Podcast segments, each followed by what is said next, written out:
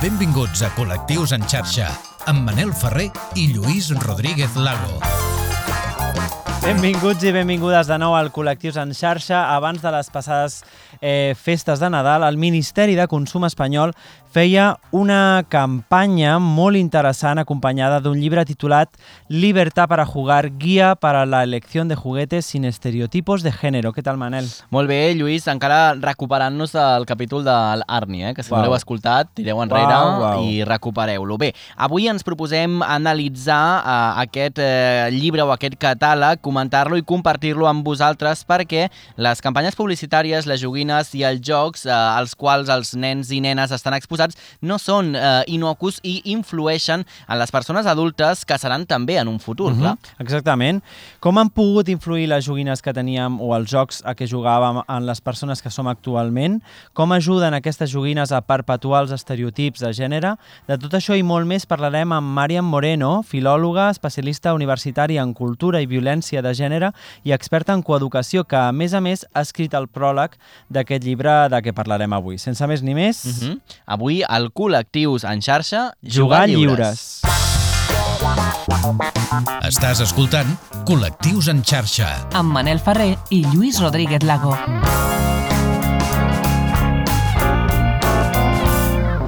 Estem farts de dir-ho en aquest programa, però avui ho tornem a fer. Els estereotips de gènere coarten la llibertat de les persones perquè encotillen i, i ens fan pensar que el sexe de les persones determina com han de ser i quines activitats se'ls poden donar millor i quines pitjor. És important destacar que les actituds o conductes derivades dels estereotips són apreses, no són biològiques. Uh -huh. Des, des que naixem rebem missatges que reforcen aquests estereotips i al final condicionen no només la nostra manera de ser, també les nostres aspiracions o els nostres projectes de vida. Exacte, i amb els avenços tecnològics del segle XXI s'han aconseguit les primeres imatges de l'interior del cervell que revelen com funciona realment. Ara sabem, el desenvolupament eh, no depèn de la grandària inicial del cap de les persones, sinó de la manera en el qual s'interrelacionen i s'exerceixen al nivell de la vida. Els cervells de les persones a les quals se'ls dona bé una activitat es detecten diferències respecte als qui se'ls dona pitjor aquesta Mhm. activitat, però no perquè el cervell fos així en néixer, sinó que ha anat canviant a causa de la pràctica d'aquesta activitat. De fet, segons la neurocientífica Gina Ripon, autora del llibre El gènere i els nostres cervells, publicat a l'any 2020, poden existir més diferències entre cervells del mateix sexe que entre grups de sexes diferents. Uh -huh. Quan entrem a uns grans magatzems i les joguines per nenes amb colors roses i textures suaus dirigides a la bellesa i a la cura de les altres persones i a les tasques domèstiques estan en un passadís i a l'altre les joguines per nens plenes de colors vius i contrastos centrades en l'acció, la violència i la competició, aquesta manera de separar-nos i de distribuir-nos determinats comportaments en funció de si som homes o dones rep el nom de sexisme. Uh -huh. I també, Lluís, quan apareixen també en el propi cartró de la joguina un nen que Exacte. juga amb aquesta joguina o una nena que cuina amb aquesta cuineta, perquè això Exacte. està encara, eh? O Sí, sí, sigui, sí. no, no estem Sí, parlant sí, d'una cosa tant. que va ser fa molts anys enrere. I donem-li a aquest tema la importància que realment té perquè els estereotips no només són descriptius d'actituds o conductes, també són prescriptius, és a dir, que poden provocar allò que representen. Així doncs, si practiquem més eh, una activitat en una etapa de la nostra vida a la que som més adaptables, és més probable que al futur siguem millors duent-la a terme, simplement perquè li hem dedicat més atenció Una i cosa també que més sembla temps, bastant no? bàsica, no? Totalment. Però és així, Exacte. sí, sí. A través de la imitació en el joc i de l'adaptació a l'entorn, les persones tendim a complir amb allò que els altres esperen que acabem sent, no? El joc té una funció crucial en el desenvolupament de les nostres capacitats, no només a nivell individual, donat que és una manera de conèixer i adaptar-se a les normes culturals. És important entendre que les normes culturals no sorgeixen en el joc, sinó que es desenvolupen en el joc i en com juguem. I el que veiem amb més regularitat ens és eh, familiar i, per tant, ens sembla normal. Els jocs i joguines també poden contribuir a normalitzar aspectes que no són necessàriament positius si la majoria de figures masculines van associades a comportaments agressius, podem arribar a pensar que aquesta actitud és natural i fins i tot acabar justificant-la. Això que diuen, no? Això és Mhm. més d'homes perquè és com A, a, jo tinc una amiga que em diu, eh, eh, quan estem treballant, no? que, que jo aporto l'energia masculina. I jo Mhm. penso, per què Per li què? poses un gènere? A- Totalment. A, a, a, què vols dir? Aquesta que jo m'organitzo d'una manera? Exacte, sí, sí. Si volem que els homes mostrin una major empatia i dediquin més temps a les cures familiars i domèstiques, és necessari que vegin a figures del seu propi grup fent aquestes tasques. Lluís, També. referents, de nou. Referents eh? de nou, exacte. D'altra banda, acabem aquesta primera part del programa amb un estudi realitzat el 2014 que pot il·lustrar tot això que dèiem. Aquest estudi diu que les nenes que juguen amb nines valorades pel seu aspecte físic no tenen aspiracions professionals tan altes com els nens. Les autores de l'estudi van declarar que jugar amb aquesta mena de nines té un efecte en la percepció de les nenes sobre el seu lloc en la societat, creant un límit en el seu desenvolupament futur. Per arribar a aquesta conclusió van estudiar el comportament de nenes d'entre 4 i 7 anys, a les quals els van demanar jugar amb una nina model, una nina doctora i una joguina més neutra. Uh -huh. En preguntar a les nenes quantes professions podrien exercir d'adultes i quantes als nens, les que havien jugat amb les nines van contestar que els nens ocuparien un nombre major de llocs de treball, fixa't. En canvi, les que van jugar amb la joguina neutra van assegurar que serien capaces d'exercir els mateixos llocs que els nens. Perquè els pols oposats també s'atreuen, escolta Col·lectius en xarxa. I clar, si hi ha algú que ens està ara mateix escoltant a casa, no? doncs eh, com eh, ens ho hem de fer per detectar si una joguina és sexista o Clar, no, no, Lluís? exacte. La pregunta que es pot fer la gent a casa. Doncs la regla d'or és molt senzilla. Si no és apta tant per nens com per nenes, és sexista. Això d'entrada. Tan fàcil. Com més eh, diferenciades estiguin les joguines, doncs encara més estereotips acabaran tenint. Mhm. Moltes vegades els noms de les joguines ens donen moltes pistes. No és habitual veure a personatges masculins i femenins barrejats o formant equip.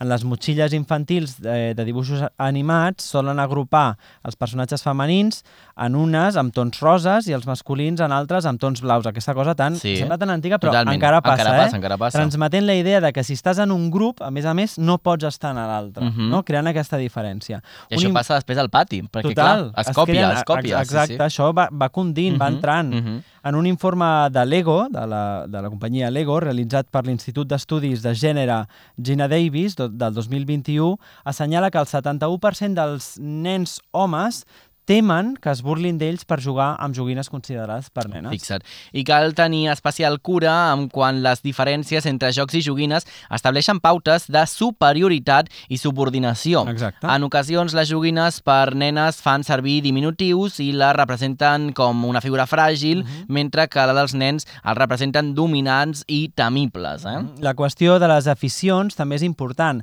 Les figures femenines normalment ballen i les masculines fan esport. També les qüestions professionals. Mentre unes, ho dèiem abans, no? mentre unes tenen cura de les altres persones, els altres donen ordres o rescaten o guien. No? Mhm. Bé, ara estava pensant amb les sis festes de Carnaval que estem ja a tocar Exacte. i també és un tema que dona per dona de sí, eh? el I tema de disfresses totalment, totalment. eh, dona per un altre. A més a més, els estereotips també condicionen la relació amb el nostre propi cos. La majoria de nines són de pell blanca i extremadament primes. Uh, mira, la Barbie, per exemple, Exacte. per dir una. Eh? L'Hospital Central Universitari de Helsinki va assegurar que una dona amb les mesures d'algunes de les nines amb les que juguen les nenes no tindrien greix subcutani suficient i haurien perdut la menstruació, és a dir, que, no estarien sanes. No estarien sanes, totalment. D'altra banda, els nens tenen joguines amb models anatòmics diametralment oposats. En les últimes dè- dècades, els ninos dirigits a nens han augmentat exponencialment la seva musculatura i pels nens també és impossible aconseguir aquests models. Antoni Grau, psicòleg i cap de la gestió del coneixement i la investigació de l'Institut de Trastorns de l'Alimentació, afirma que aquests ninos tenen una musculatura impossible de desenvolupar sense patir un trastorn. Uh -huh, fixa't. Parlem també de la sexualització, tema controvertit a vegades per la fina línia no, que existeix entre l'empoderament dels nostres cossos i el fet de cosificar-los. El que està clar és que tot i que tots rebem la imposició social de que el nostre cos ha de seduir, Sí. és el mercat dirigit a les nenes el que crea joguines amb poses sexis, maquillatge, Mhm. vestides amb tops o, o tacons, i ens diu que l'edat recomanada per jugar-hi, per exemple, és a partir de 3 anys. Fixa't. Uh, per últim, no podem deixar de eh, que la quantitat de complements que s'hissenyen al voltant d'una nina, que també acaba doncs, uh, fomentant el consumisme. Disposar Exacte. de molts complements pot generar també la idea que tenir èxit està associat doncs, a les coses materials A que acabes tenint, a tenir possessions. moltes possessions. Eh? I parlem ara de quines joguines, eh, de quines preguntes, perdó, ens podem fer abans de comprar o regalar una joguina. quan estem ja no, davant de, de, de, del prestatge de joguines, Exacte. no? Mira, la primera, per exemple, és una joguina diferenciada per tècniques de màrqueting, no? El Exacte. que dèiem, uh, si està posat en... Exacte. Colors, Mhm, no? mhm. Reforça una creença prèvia o pot aportar una perspectiva nova? Exacte. I també una mica què ens aporta, no? Quines Exacte. habilitats eh, potencia i quines limita, per exemple. Doncs si és la lluita i la competició que no acaben tampoc fomentant l'empatia o el diàleg, perquè clar, Lluís, si tu tens unes joguines que eh, el, com si jugues són dos ninos barallant-se, doncs tu a l'hora del pati, quan un nen et tregui la pala Quan o tregui el cubell, el que farà serà barallar-te Mm. amb aquell nen, perquè és el que has vist eh, amb les teves Mm. joguines a casa. Jo crec que potser la, la solució és que, mm, crec, la, una possible solució no és que totes les joguines que ens pensem a comprar els hi fem un examen exhaustiu clar. de tots aquests punts que direm ara, però potser compensar Mm. unes amb les altres, no? Mhm. Per exemple, una altra de les preguntes que ens hem de fer, afegiries l'adjectiu o el nom, aquesta és interessant, o el nom d'aquesta joguina a la seva professió futura? Per exemple, deia biòloga glamurosa, Mhm. advocat exterminador, no? Sí. La figura es diu exterminador. el glamurós estava pensant en Obregón ara mateix, però bé. Tu, tu tro trobes una joguina que es diu Exterminador Clar. i posaries advocat al davant. Si el nom resulta poc, poc ètic o resta credibilitat, Quan fas la conversió, quan no? fas la conversió, potser cal optar per joguines que afavoreixin unes altres qualitats. Mhm. Al final també, eh, si és un comportament apropiat per la seva edat o per la persona adulta amb capacitat de, de O és per raonar. una persona adulta, clar, no? Clar, Mm. al final també que el nen que està jugant es pugui sentir mitjanament representat amb el que fa aquesta joguina, no? Vull entendre-ho i Mhm. assumir-ho, no? Ajuda Mhm. a ser tolerant amb les diferències. I si ajuda també a desenvolupar la paciència i la capacitat crítica, Exacte. que ens aporti alguna una miqueta més enllà la joguina. I per últim, fomenta el consumisme? Segueix-nos a les xarxes. Busca'ns i recupera tots els nostres programes, imatges i vídeos exclusius. Col·lectius en xarxa. A Twitter, Instagram i a les principals plataformes de podcasting.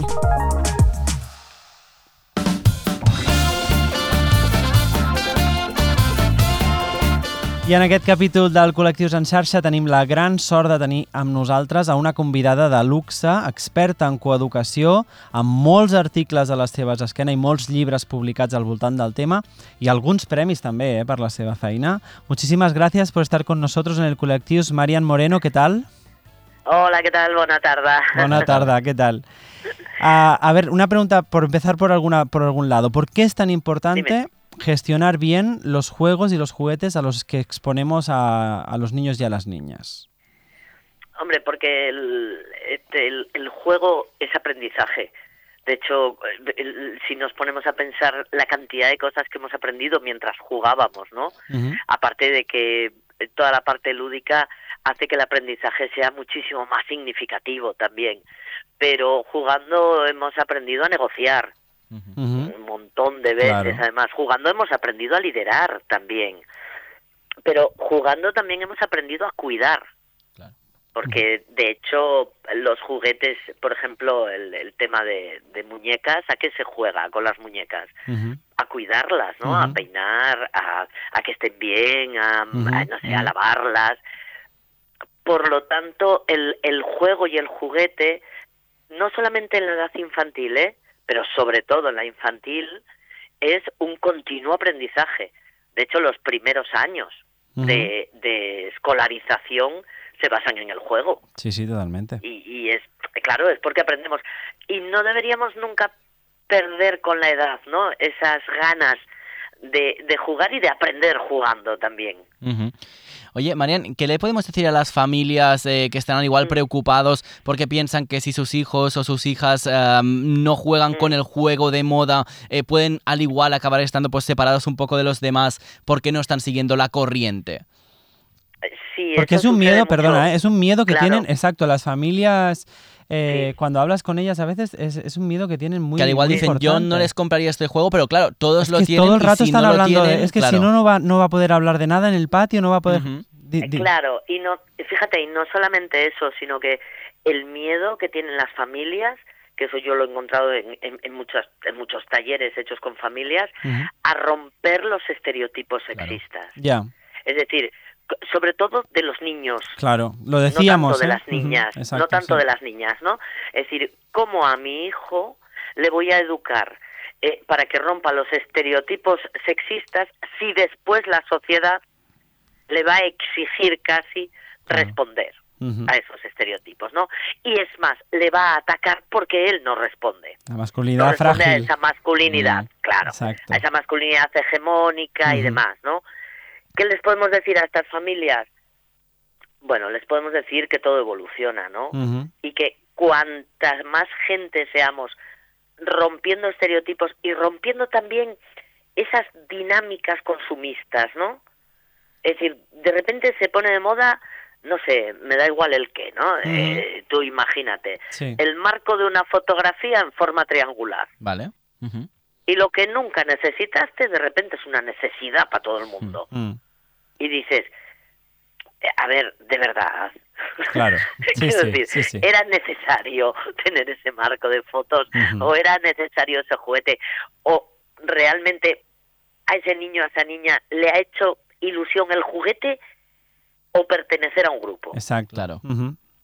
Claro, que es eh, lo importante también es verdad, ¿no? Sobre todo en la adolescencia, es pertenecer al grupo. Sí, sí. Claro, eso es lógico. Pero las familias, yo creo que eso hay que hablarlo también con, con la infancia y con la adolescencia. Pero claro, Marian, Es esto que- que nos, que nos contabas de, de, de ese sentimiento de pertenecer en un grupo, a veces es Mm. difícil que también las familias y los padres o tíos o abuelos o los tutores de estos niños lo puedan explicar porque también en la edad adulta de momento, como nos han enseñado, es que Sí. también como adultos tenemos que pertenecer a un grupo determinado de Sí. personas, ¿no? Sí, es un, eh, iba a decir es una carencia del ser humano. A lo, Pero lo mejor, es, a lo ¿eh? mejor cuando somos más mayores los, cri- los criterios los podemos usar de otra forma. Claro, o deberíamos. Claro, sí, sí, hombre, los usamos yo creo con un sentido Hmm. crítico mayor. Bueno, no todo el Mm, mundo, no todo ¿eh? el Ya, mundo. no todo el También mundo. es verdad. Sí. Eh, o sea, no, no exageremos con la edad, ¿no? Ujú. Que quiero decir que no, la edad no lo cura todo. No, desde luego. Pero es verdad que para el ser humano es muy importante la pertenencia. Eh, la cuestión es, hay que elegir muy bien el grupo al que quieres pertenecer. Y a lo mejor eh, tus amistades de un momento determinado no son el grupo que a ti te vienen bien. Claro. O no te permiten romper, por ejemplo. Eh, mira, una anécdota. Yo recuerdo mi sobrino, que bueno, ahora tiene 30 años, ¿no? Pero cuando tenía 15 años, claro, habíamos hablado mucho de igualdad, Sí. de romper los estereotipos, de tal, y un día me dice todo serio, tata, si me ves por la calle no me lo tengas en cuenta. Ah, ya. Es decir, él mismo era consciente de, joder, como me vea por la calle haciendo lo que hago con mis colegas, Claro. eh, Que e- Era consciente de que no podía superar aún ese, ese momento social, ¿no? claro, Claro. claro, por, por que tener es pandilla, ¿no? sí, sí, por, tener sí. amistades. Entonces, claro, eh, muchas veces hay muchas chicas, por ejemplo, que aguantan eh, bromas muy machistas en su pandilla Por no salir del grupo, por ¿no? romper, o sea, Sí. por no decir hasta aquí hemos llegado Claro. y esto es una línea roja para mí, por ejemplo, ¿no? Entonces, claro, es todo muy difícil porque las relaciones sociales, bueno, son necesarias y el grupo es necesario muchas veces, pero claro, hay que plantearse a costa... a- ¿A costa de qué, ¿Qué me cuesta Sí, a mí esto, no? ¿Qué me cuesta? Me cuesta ir en contra de mis propias ideas, me cuesta, yo qué sé, retroceder 500 años en, en la Ujú. rela- claro, en lo que estamos Totalmente, diciendo. sí, sí. Es que me cuesta, ¿no? Mm, Y entonces eso, yo creo que el coste es lo que hay que poner en una balanza. ujú. Marian, estamos viendo en las escuelas, sobre todo después también de la Mm. pandemia, eh, nos encontramos con niños y niñas que cada vez parece ¿no? que, que maduran más tarde en ciertos aspectos, en las Mm. autonomías, en la tolerancia a la frustración, pero al mismo tiempo vemos que cada vez se van enfrentando a situaciones como de más mayores, porque nos dicen las maestras ¿no? que tienen que intervenir en conflictos que se producen en la clase, por ejemplo, relacionados con el cuerpo o la imagen, o con los juegos en línea, o con aplicaciones en edades cada vez más tempranas. Claro, si el- un poco es un poco, un poco puede ser la misma pregunta que antes, pero vamos a darle este matiz, ¿no? Si el mercado no se regula, porque está claro que el mercado y, y, eh, no se va a regular en este sentido, ¿qué podemos hacer nosotros eh, para, para atajar este tema? Es un, es un tema muy importante además, ¿eh? porque eh, hemos tenido unos cambios brutales en, en cuanto a recibir información, en cuanto a tipo de ocio, en cuanto incluso a tipo de relaciones. Eh, yo creo que la pandemia también ha supuesto un corte muy brutal, ¿no? En, en, en cómo nos relacionábamos. Entonces, toda esta gente que le ha pillado esto en infancia y adolescencia, eh, bueno, pues tiene un desequilibrio en ese sentido, ¿no? Y luego, claro, a las personas adultas nos resulta sorprendente. Claro. Y nos resulta sorprendente que accedan a la pornografía a los 8 o 9 años Sí. Y, y que o que se planteen cuestiones como que quieren operarse de algo eh, porque porque no les gusta su cuerpo y te lo dicen a los 12, 13 años y dices tú, ostras, eh, efectivamente todo esto ha cambiado, ¿no? Yo lo que diría siempre es sentarse y parar un momento a hablar. Creo que hay pocos momentos de reflexión realmente y, y de hablar tranquilamente, ¿no? Es decir, decimos que, el- que la gente joven quiere la inmediatez. Mm. Bueno, es que yo creo que es toda la sociedad la que nos está exigiendo una inmediatez Claro. siempre. Entonces, creo que hacer un elogio de la lentitud estaría bien en algún momento, ¿no? Y decir, oye, vamos a pararnos, tú que sientes, tú, tú que entiendes, tú, a ti qué te pasa con esto, hay cosas que no entiendo por mi edad, explícamelas, por favor. Y en ese sentido creo que tenemos que volver a ten- volver no, porque quizás no lo subo nunca, ¿no? Pero tenemos que construir puentes entre edades también y que nos expliquen el porqué de las cosas, porque te las saben explicar. Otra cosa es que después tú, con tu experiencia y demás, les puedas decir, pues mira, ten cuidado, porque esto que me estás explicando, desde tu punto de vista, resulta que es fatal para tu salud, por ejemplo, o para tu evolución, o no te estás dando cuenta que lo haces por la mirada externa y nunca por tu propia mirada. Y hablándolo, oye, de verdad que se llegan a, a puntos de encuentro, ¿no? Creo que tenemos que pararnos, creo que hay que hacer un elogio de la lentitud. en Pues este mira, estaría muy bien eh, poder hacerlo. Volviendo un poco también al tema con el que empezamos esa charla contigo, los juguetes, sí que es verdad que al final, pues los tutores de los niños y las niñas, pues tienen una responsabilidad importante, pero es verdad que aún no todas las marcas de juguetes y no todas las tiendas de juguetes em, apuestan, pues por estos mm, juguetes sin género, ¿no? Aún hacen parte que su marketing pues mm, haga esta división entre niños y niñas, el azul, el rosa, las estanterías eh, separadas también por género, ¿no? O sea que no, no hay aún una conciencia eh, comercial. Claro, y de hecho, bueno, yo creo que una de las acciones que ha sido muy positiva este, este año pasado, ¿no? Mm. Ha sido el convenio que ha firmado el Ministerio de Consumo con, con la industria juguetera, ¿no? Pero no toda la industria ha firmado ese convenio. Es decir, Claro. eh, es una buena intención de una parte de la industria juguetera. ¿Sabes lo que pasa? Que es que el estereotipo facilita el mercado. Claro. Es decir, si, si, tú te- si tú tienes una sociedad dividida en dos y que esas dos partes además obligatoriamente esta parte es así y la otra parte es asado, Claro. pues solo tengo que hacer dos productos. Claro. O sea, quiero decir, no tengo más que pensar. Ujú. tengo que dirigirme a estos o a aquellas. Claro. Punto. Claro. No hay más. Em, Y eso al mercado le viene genial. Claro. Claro.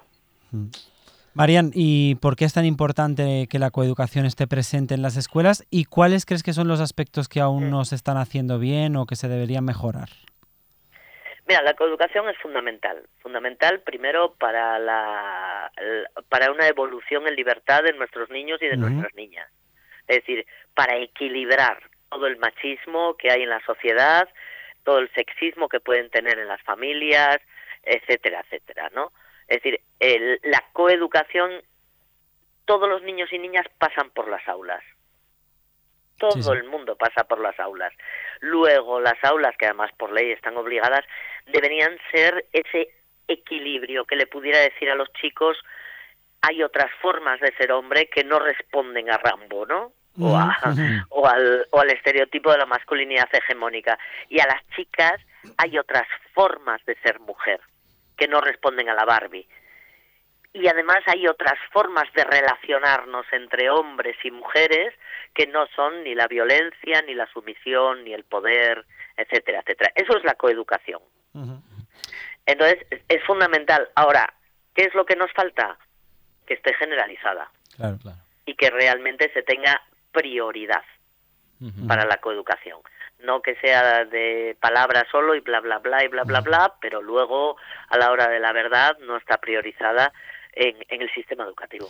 Aquí tenemos, creo que estamos empezando a tener suerte aquí en Cataluña porque en el, Sí. en el currículum nuevo que se publicó creo que a finales de septiembre Mm, es uno de los vectores que es, que es eh, Claro. como los ejes eh, más importantes y sobre los que tiene que beber toda Sí. la programación eh, Claro. didáctica. Eso es fundamental. Claro, eso es fundamental, porque eso es decir al profesorado, bueno, este es el currículum, es decir, este es el camino Claro. que hay que seguir en las aulas. Y eso es fundamental para que se pueda hacer. Y lo segundo es la vigilancia de su cumplimiento. Claro. Claro. Es decir, y poner recursos y dar formación al profesorado. Total. Porque si no, el profesorado, a ver, que no, el profesorado no aprende por ciencia infusa. O sea, No, desde luego. y el- en el profesorado hay tanto machismo como entre como en las farmacias. ¿Entiendes? Sí, sí. O sea, Totalmente. lógicamente. ¿eh? Claro. Oye, eh, nos interesaba también preguntarte como filóloga en relación también al lenguaje y al uso de este. eh, no sé si tiene capacidad el lenguaje también para transformar al final la, la realidad ¿no? que vivimos. Sí, totalmente. Eh, yo siempre digo que el lenguaje tiene una, una función bidireccional, ¿no? Ujú. Por un lado, a través del lenguaje entendemos el mundo Sí. y por eso hay gente que no entiende nada, también verdad. Pero bueno, en fin, tiene una carencia el lenguaje. Pero bueno, a través del lenguaje entendemos el mundo y a través del lenguaje construimos el mundo. Claro. no hay nada que esté alejado del lenguaje. Por lo tanto, mi posición en la vida, mi postura ante las cosas que ocurren, mi ideología, todo está también atravesado por mi lenguaje. Y si yo soy una persona que trabaja por la igualdad, que trabaja por la libertad de las personas, que trabaja por el respeto hacia todo el mundo. Mi lenguaje debe demostrarlo también. Y además con mi lenguaje eh, transmito que eso es lo que hay que hacer en la vida. Por eso es tan importante el lenguaje y cómo nos expresamos, ¿no? Entonces, se- según tu opinión, eh, como, a- como una actuación más para mejorar la situación de las mujeres y de las personas no binarias, el lenguaje nos podría funcionar. Es, sí, sí, sí, además es fundamental. Porque en un, en un espacio donde a ti no te visibilicen porque no te nombran, tú te sientes completamente ajeno a ese espacio. Ujú. Es decir, tú te vas mentalmente o incluso físicamente, ¿no? No me nombran, no me visibilizan, no me tienen en cuenta, hasta luego. Claro. O sea, aquí no es mi sitio. Y sin embargo, si del sitio de la cultura, del sitio del respeto, de la democracia, haces que la gente se encuentre nombrada y visibilizada y, y- y respetada, pues la democracia será su sitio. Pues mira, Pues qué buena con esto nos conclusión ¿eh? para acabar. Marian. Muchísimas gracias por, por haber formado parte de este Colectivos en Xarxa. Estamos encantados de tenerte. Gracias. Y- Gracias a vosotros por tenerme en cuenta. Ha sido un lujo. Muchísimas gracias. Que vaya muy bien. Que vaya bien.